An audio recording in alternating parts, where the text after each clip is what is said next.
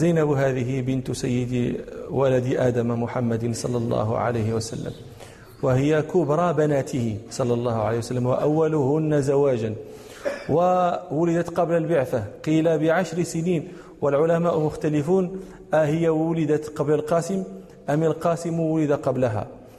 و زوجها رسول الله صلى الله عليه وسلم من ابن خالتها.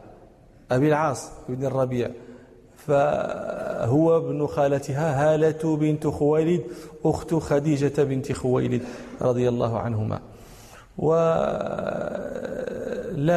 أسلمت هي وبقي هو على كفره. أسلمت وهاجرت قبل إسلام زوجها بنحو من ست سنين. وكان له وهاجرت وكان لهجرتها قصة. ذلك أن زوجها أبا العاص كان خرج في غزوة بدر مع من خرج من كفار قريش. فلما نصر الله رسوله صلى الله عليه وسلم وأظهر جنده وأسر من أسر من الأسرى من كفار قريش كان أبو العاص في جملة الأسرى. فبعث كفار قريش في فداء أسراهم فبعثت زينب وكانت يومئذ ما زالت في مكة. بعثت هي أيضا في فداء زوجها. يروي الإمام أحمد وأبو داود وغيرهما عن عائشة رضي الله عنها قالت لما بعث لما بعثت قريش في فداء أسراها بعثت زينب بنت رسول الله صلى الله عليه وسلم في فداء زوجها أبي العاص. بمال بعثت بمال. وفي ذلك المال قلادة. قلادة كانت لخديجة رضي الله عنها. أعطتها زينب لما أدخلتها على زوجها أبي العاص. فرأى رسول الله صلى الله عليه وسلم القلادة. فذكرته خديجة. فرق لها رقة شديدة. ثم قال لهم إن رأيتم أن تطلقوا لها أسيرها وتردوا لها الذي لها. ففعل الناس أطلقوا أبا العاص وردوا المال. ولكن أخذ النبي صلى الله عليه وسلم على أبي العاص وعدا بأن يخلي سبيل زينب لتلحق به في المدينة. وكان ذلك بعد غزوة بدر بشهر. كفار قريش موتورون. وما زالت الصدور مغرة فيها الإحن فوعد له وعده أبو العاص بأن يخلي سبيل زينب.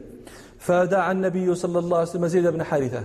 وآخر من رجلا آخر من الأنصار وقال آه اذهبا فأتيا يأجيج. موضع هذا. فامكثا فيه حتى تأتيكما زينب فتسحباها وتأتي بها إلي ففعل ذلك.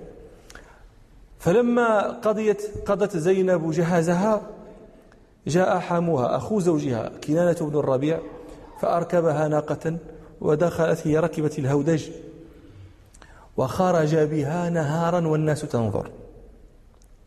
أنا قلت لكم الناس موتورة وكفار قريش ينظرون ابنة رسول الله صلى الله عليه وسلم هي ابنة واترهم خارجة إليه في وضح النهار فتبعوها وذهبوا في إثرها. فكان أول من أدركها رجلا يقال له هبار بن الأسود وآخر يقال له نافع بن عبد القيس.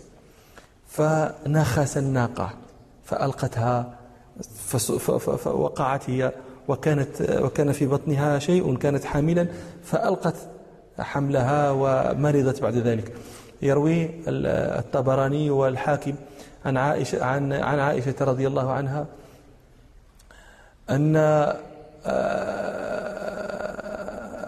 زينب لما لما قالت لما قدم النبي صلى الله عليه وسلم المدينة خرجت زينب بنته بنته رسول بنت رسول الله صلى الله عليه وسلم إلى المدينة.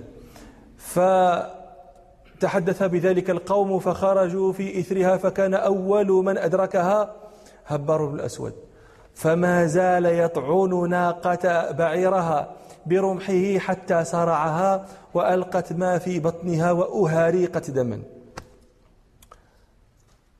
فاشتجر فيها بنو هاشم وبنو أمية لأن بنو هاشم لأنها منهم هي هاشمية وبنو أمية لأنها تحت ابن عمهم أبو العاص بن الربيع. فأخذوها أخذها بنو أمية فكانت عند هند بنت عتبة. فكانت هند تقول لها هذا بسبب أبيك. صلى الله عليه وسلم. فدعا رسول الله صلى الله عليه وسلم زيد بن حارثة. وقال له ألا تنطلق فتجيئني بزينب؟ فقال زيد بلى يا رسول الله. فأعطاه النبي صلى الله عليه وسلم خاتمه وقال اذهب به وأعطها إياه. قال فذهب آه، زيد فما زال فلم يزل يتلطف حتى لقي راعيا. فقال لمن أنت؟ قال لأبي العاص. قال فلمن هذه الغنم؟ قال لي زينب بنت محمد صلى الله عليه وسلم. قال فسار معه شيئا ثم قال له زيد قال هل لك أن أعطيك شيئا؟ تعطيه إياها ولا تخبر به أحدا. قال نعم فأعطاه الخاتم. فلما أراح الراعي غنمه وأدخلها ذهب إلى زينب فأعطاها الخاتم فعرفته. فقالت من أعطاكه؟ قال رجل. قالت أين؟ قال بموضع كذا فسكتت. فلما كان الليل أتت الموضع المذكور فوجدت, فوجدت به زيد بن حارثة فركبت ركب الناقة وأركبها خلفه ثم انطلق حتى أدخلها على رسول الله صلى الله عليه وسلم. يقولون إن هند بنت عتبة لما فعل هبار الأسود وصاحبه ما فعل بزينب أخذتها الحمية أخذها ما يأخذ المرأة للمرأة. فيذكرون أنها أنشدت في الهبال وصاحبه تقول أفي السلم أعيار جفاء وغلظة؟ هذه قضية بعد بدر. هم في بدر. وهزموا وقتل منهم مقتلا فتقول لهم تعيرهم أفي السلم أعيار؟ العير الحمار الوحشي أكرمكم الله. يعني في السلم شجعان وكذا. أفي السلم أنتم كالحمير جفاء وغلظة. وفي الحرب وفي الحرب أشباه النساء العوارك. العوارك جم... نساء العوارك نساء الحيض زعما هذا الشيء كنتم تصنعونه في بدر. أفي السلم أعيار جفاء وغلظة وفي وفي وفي وفي الحرب أشباه النساء العوارك ولأجل ما أصاب زينب رضي الله عنها لما نخس بعيرها فأسقطت ما في بطنها وأهرقت دما وما زالت تهراق الدماء حتى ماتت بسبب ذلك رضي الله عنها. بسبب ذلك أحل النبي صلى الله عليه وسلم دم هبار الأسود والآخر. روى البخاري عن عن سمرة بن جندب رضي الله عنه قال بعثنا النبي صلى الله عليه وسلم في بعث فقال إن وجدتم فلانا وفلانا فأحرقوهما بالنار ثم قال صلى الله عليه وسلم بعد ذلك إني كنت أمرتكما أن تحرقا فلانا وفلانا بالنار وإن النار لا يعذب بها إلا الله. فإن وجدتموهما فاقتلوهما. وفي رواية عند ابن حبان أنه صلى الله عليه وسلم قال إن وجدتم هبار بن الأسود ونافع بن عبد القيس فحرقوهما. ثم قال بعد لا يعذب بها إلى الله. إن وجدتموهما فاقتلوهما. لكن هذا هبار الأسود سبقت إليه عناية الله. لم تدركه هذه السرية التي بعثها النبي صلى الله عليه وسلم لم تصبه. وأصابه الإسلام فأسلم وهاجر. وأما الآخر نافع بن عبد القيس فقد قال الحافظ ابن حجر لم أجد له ذكرا في الصحابة فلعله مات قبل قبل أن يسلم. وماتت زينب رضي الله عنها في أول سنة ثمان من الهجرة.